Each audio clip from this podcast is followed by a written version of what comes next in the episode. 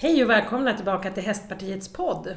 Idag jag träffar Hasse Skarplöt som är VD på ATG. Hej Hasse, tack för att du får komma hit. Varsågod, du är så välkommen. Hörru du, du är ju VD på ATG. Kan du berätta lite, vad är ATG egentligen? ATG är ett spelbolag som grundades 1974. Eh, syftet med ATG är ju att långsiktigt främja trav och galoppsporten genom att erbjuda spel på ett ansvarsfullt sätt. Otroligt fin sägning. Ja, det lät jättefint. Ja, jättefin. Ehm, och det har vi gjort sedan 1974 i lite olika former. Ehm, bolaget ägs till 100% utav trav och galoppsporten så allt vårt överskott går tillbaks till trav och galoppsporten. Det unika kan man säga är att vi har statlig majoritet i vår styrelse. Mm. Ehm, och fram till och med 2018 så hade ATG monopol på spel på hästar. Åtminstone på pappret. I verkligheten så fanns det ett antal bolag som verkade från Malta in på den svenska spelmarknaden. Mm. Men från den 1 januari 2019 så är det en licensmarknad. Så att eh, nu får alla, inklusive Svenska Spel, erbjuda spel på hästar om de vill. Och i gengäld så får vi erbjuda spel på ja, men exempelvis sport, då, humansport. Mm. Men hur blir det då, då? Om det är någon annan som man spelar på hästar via? Då går inte det överskottet tillbaka till hästnäringen? Eller? Måste det? Nej, så här är det att en stor politisk fråga har ju varit huruvida eh, sporten ska kunna ta ut en marknadsavgift mm. och få legal grund till att göra det. Mm. Utretts i eh, diverse utredningar men har eh, den senaste utredningen som presenterades eh, så, så föreslog man inte marknadsavgift. Och anledningen till det var att man tyckte att det gick bra för hästarna ändå. Mm. Det gick bra för ATG ändå plus att man såg att det, man tyckte att det skulle bli byråkratiskt. Både ATG som spelbolag och Svensk Travsport och Svensk Galopp och jag skulle säga stora delar av hästnäringen har ju slagits för att få den här marknadsavgiften. För att mm. Om man tar just trav och galopp specifikt så är det ju en annan finansieringsmodell jämfört med all annan idrott. Eh, där travet och galoppen ja, står för notan själva. Eh, inga kommunala eller statliga stöd utan eh, det är framförallt finansieringen från ATG som står för, ja, för notan. Mm. Och då är det ju rimligt att de skulle få betalt för sin sportdata, ljud och bild, vilket är den här marknadsavgiften. Men än så länge så är det bara ATG som har tecknat avtal med Svensk Travsport och Svenska Lopp. Faktiskt. Ehm, inte ens Svenska Spel har gjort Nej. det, vilket är lite anmärkningsvärt tycker jag. Ja, intressant. Men den här marknadsavgiften då, är den liksom frågan avklarad och borta nu eller? Den kommer nog puttra för alltid, ja. Eh, skulle jag tro. Eh, det Svensk Travsport och Svenska Lopp försöker göra nu idag är ju att teckna ett rent kommersiellt avtal med de här spelbolagen. Mm. Eh, och jag vet att det finns, eller jag hörde från Svensk Travsports förtroenderåd att det har tecknats ett eh, avtal till med ett spelbolag. Jag vet inte vilket, men, men att det har gjorts det vet jag. Mm. Ja, spännande. Men ATG, jag för mig att det stod något på er hemsida om att ni är liksom hjärtat i hästnäringen. Ja, vi kallar oss själva för hästnäringens motor ja. och spelbranschens kompass. Och vad menar vi då med hästnäringens motor? Ja, eh, Dels så går ju hela vårt överskott tillbaks till Svensk Travsport och Svenska Lopp. Vi är djupt eh, involverade även i ridsporten. Eh, vi är sponsorer till, till ridsporten. Och eh, via vårt överskott så finansieras också HNS, HNS mm.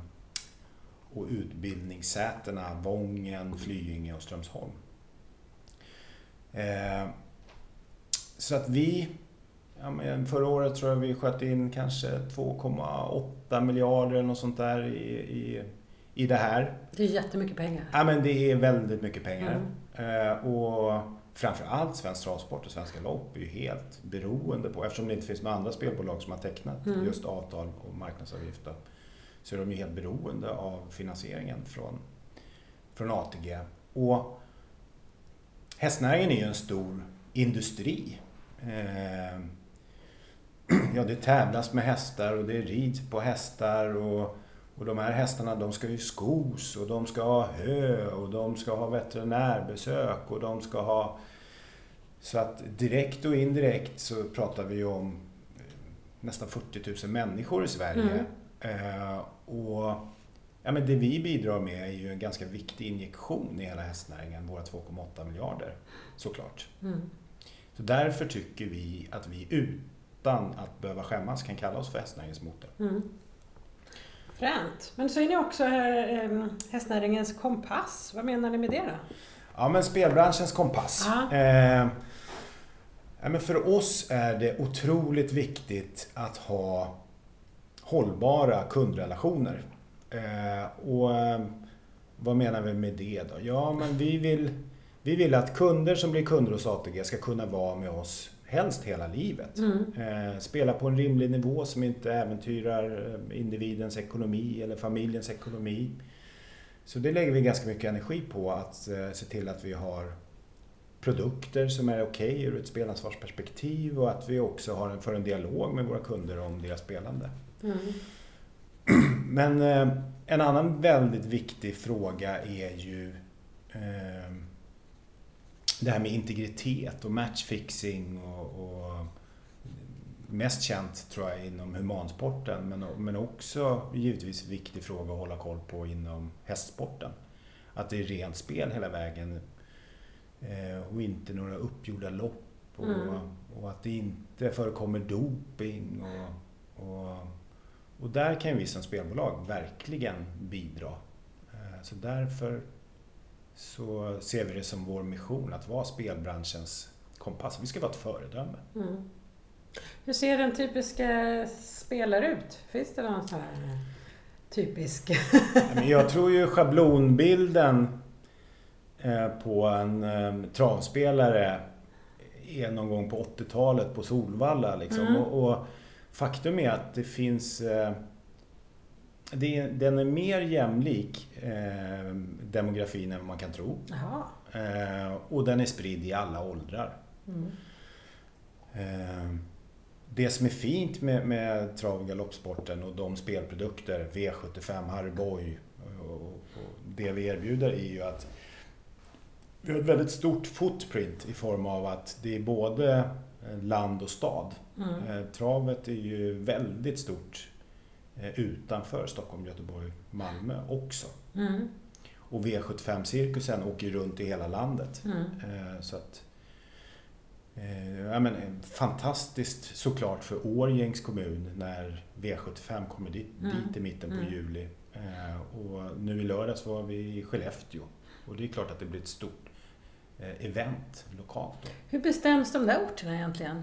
När ska man V75? Ja, det bestämmer Svensk Travsport. Ja. Och det är, en, eh, det är en ständig dialog ja. Eh, och debatt. Och ganska hätsk debatt. För att V75 vill alla travbanor ha. Mm. Jo, för jag träffade eh, chefen på Visby travbana. Han ville så väldigt gärna ha V75 där. Ja. Ja. Men jag gör det enkelt för mig. Det är en fråga för Svensk Travsport. Ja. Så, så det, det du säger pass? Ja, jag säger pass.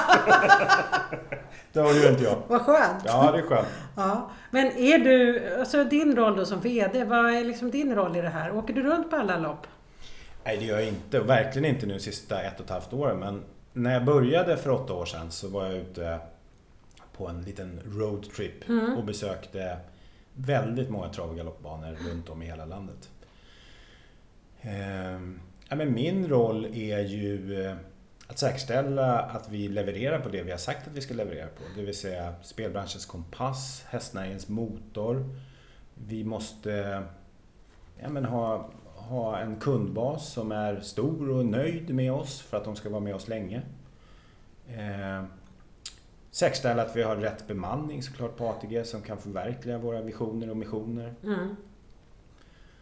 Eh, föra dialog med politiker så att vi får en, Precis. så att vi får en eh, regulatorisk miljö som är okej okay för oss.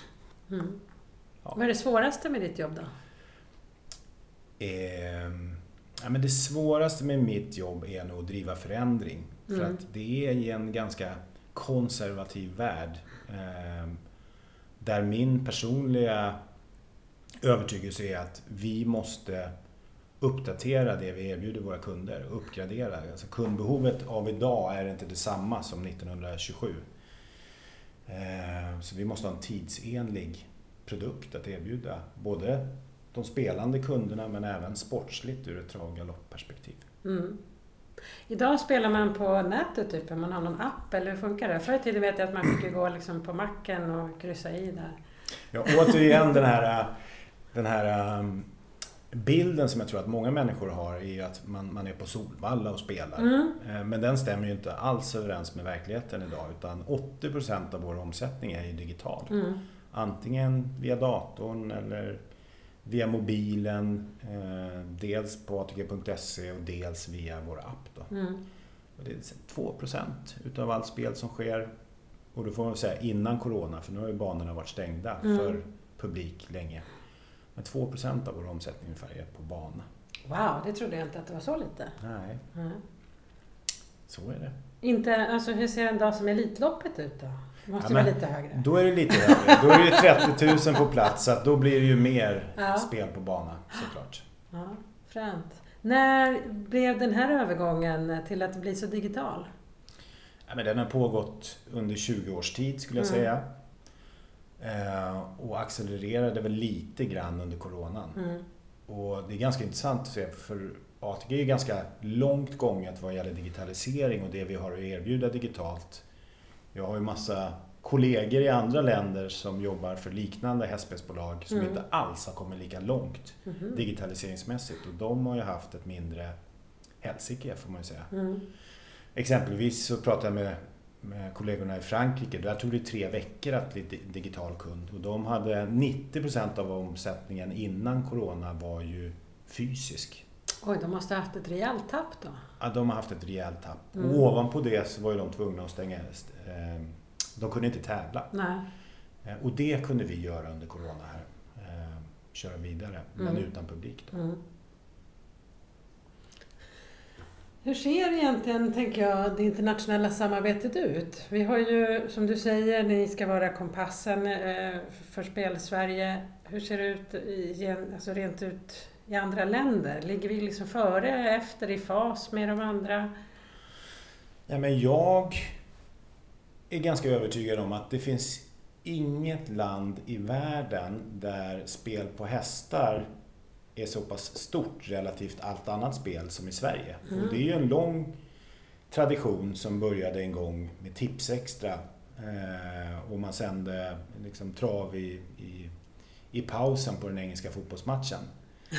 Eh, så att eh, Nej, men jag tror faktiskt att det, det finns inget land där ja, men vi har 1,3-1,4 miljoner kunder i Sverige som spelar hos oss varje år. Det, det är en lång tradi- tradition där V75 är såklart det, det vanligaste. Mm. Eh, med 400-450 000 kunder varje vecka. Mm. Så, så det är ju ett ja, men, bred folklig eh, förankring. Mm. Eh, och jättemycket invanda beteenden. Mm. När jag började på ATG var jag ju närmast chockad över alla som ja, men de träffades på lördagarna och drack en öl tillsammans och kollade på V75 och det var liksom heligt Mm. eh, den här stunden. Så att, men mycket större än vad jag trodde. Mm. Rent spontant så måste det ju vara roligare att spela på hästar än på fotboll. Ja, men det är vår övertygelse att det är det. Och faktum är ju att spel på hästar har ju... Ja, men det är större än spel på sport. I Ja. Både i antal personer i Sverige och i omsättning per år. Det är rätt svårt att, att förstå att Mm. det omsätts mer på hästarna än vad det gör på Champions League, SHL, Mm. fotbollsallsvenskan tillsammans. Men som sagt, det är en lång tradition. Mm. Ehm, Men om man inte vet hur man gör, då kan man gå en kurs, eller hur funkar det? Ja, men det enklaste är att testa. Enklast är att köpa en Harry Boy. Ja. Då får man lite hjälp med vilka hästar man ska ha. Mm. Ja, sen tycker jag man ska bänka sig framför TVn en, en lördag. Eh, och det som är fint med, med hästarna och, och, spel på hästar är ju att det har så många dimensioner då jämfört med fotboll till exempel. Eh, det finns alltid en historia bakom eh, en hästskötare och det finns en hästägare och det finns en tränare och det finns såklart en häst. Mm. Och alla de har eh, en historia som har lett dem fram till den här V75-tävlingen. Mm. Ehm, så det är mycket känslor och, och många dimensioner rent speltekniskt också. I en fotbollsmatch så är det två älvor som möter varandra. En har hemmaplan och och form.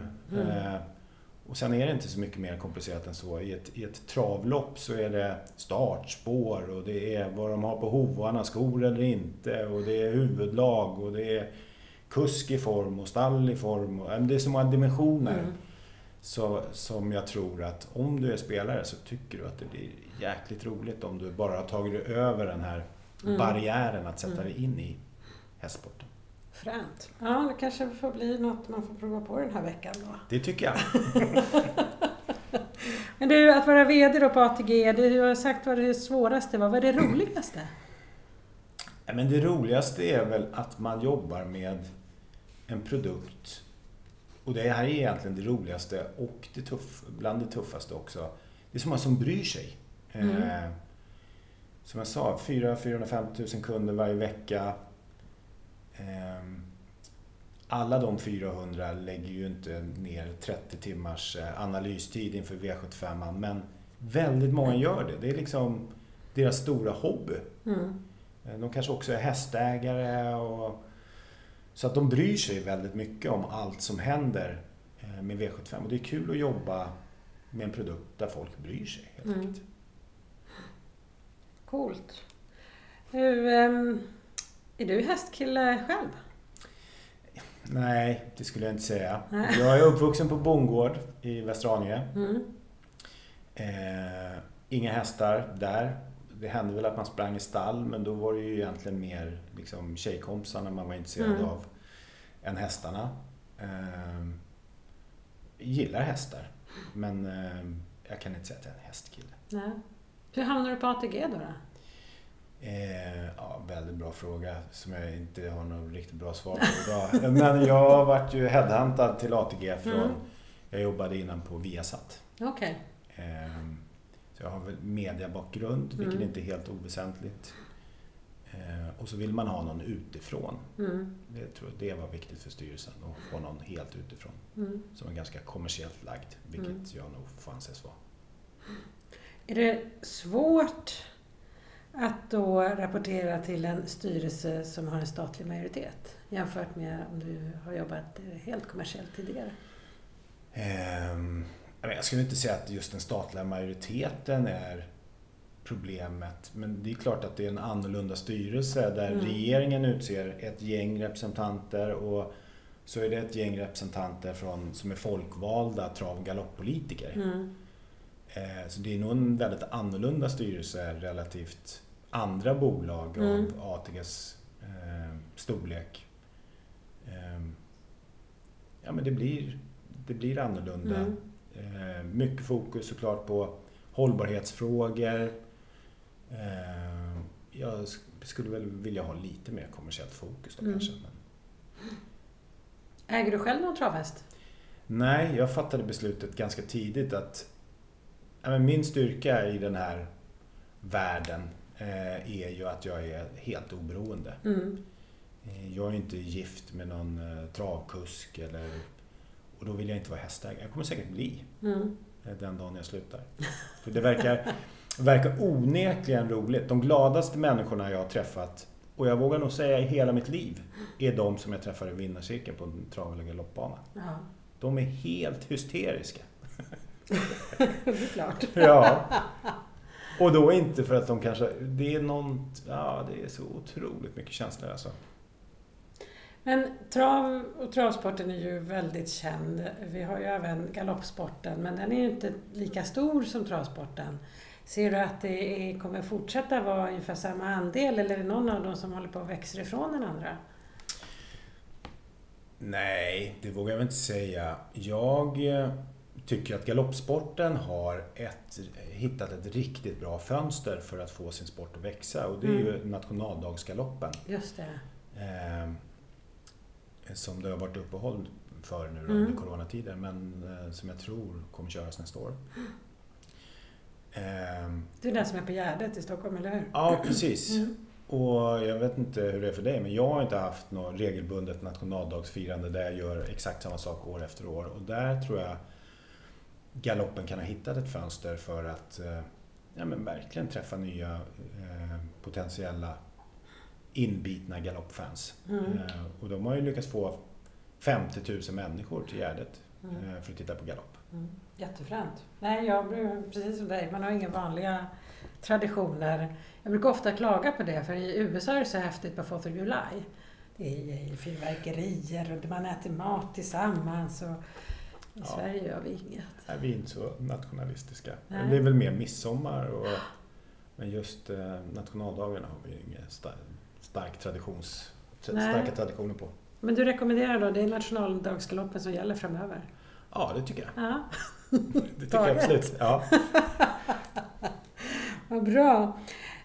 Under OS nu så blev det ju en ganska, eller efter OS ska vi säga, blev det en ganska stor debatt. Det var en, en tjej som red modern femkamp som piskade på hästen väldigt mycket och det blev ju en stor debatt om huruvida man ska få spö inom ridsporten eller inte. Och eh, jag vet ju att man har haft några liknande eh, incidenter inom travsporten. Är ni inblandade i någon sån debatt huruvida man ska tillåta spö eller inte på travhästar? Ja men det är vi ju verkligen. Eh, för oss och för våra kunder så är ju hästvälfärd otroligt högt upp. Mm.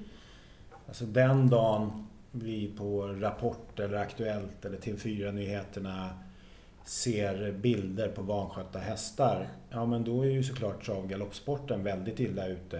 Eh, och även ATG, för folk kommer inte acceptera det här och skulle aldrig spela V75 om man inte kände att man tog hand om hästarna. Så mm. att, I högsta grad så är det en fråga för oss. Sen är vi ju mycket mer kravställare än utförare mm. såklart. Mm. Eh, och debatten förs ju ständigt. Jag eh, vågar påstå att svensk hästvälfärd eh, inom trav och galopp och inom hela svenska hästnäringen skulle jag säga håller väldigt hög internationell klass. Mm. Sen kan vi alltid bli bättre. Eh, men eh, det är ofta när jag är ute och reser internationellt som Sverige tas upp som ett föregångsland. Det var roligt att man får vara föregångsland. Ja.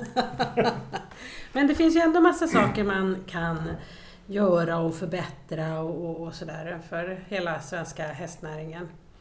Om du skulle bli minister för en dag, vad skulle du bestämma för att förbättra för Sveriges hästnäring? Ja, men två saker då och den ena är väl lite inifrån och ut. Men det är ju den här marknadsavgiften, att alla mm. spelbolag eh, betalar för sig när de erbjuder spel på hästar. Det tycker jag är rimligt. Mm. För att eh, det är på det sättet eh, de sporterna finansieras. Sen så tycker jag att man borde kunna satsa mer på häst vad gäller kommuner och, och riksdag också. Eh, det finns så otroligt mycket bra saker som kommer från eh, att få umgås med hästar. Mm. Eh, som ungdomar som lär sig ta ansvar. Jag tror det kommer massa undersökningar som också pekar på ledarskap som utvecklas i stallet. Så marknadsavgift och en ja, men större satsning på hästsport och det är framför allt ridsport som är störst eh, bland unga. Mm. Gud vad bra, tycker det låter jättebra jag. Rösta ja. på dig. ja, du, om man nu ska spela till helgen, har du några tips till eh, helgens spel? Eller får du inte ge några sådana? Jag får spela. Mm. Eh, men det är direkt dumt att fråga om tips. eh, för jag har verkligen inte varit framgångsrik. Eh, så det ska du inte göra. Nej, okay. ja. Men är det någon... Harry Boy kan jag Harry Boy. Ja. ja. Men eh, då tror jag att det får bli det till helgen. Ja, det tycker jag. Ja, vad bra. Hur du, stort tack för att jag fick komma hit. Tack själv. Och till er som lyssnar, nästa vecka blir det såklart ett nytt spännande avsnitt av Hästpartiets podd. Ha det bra!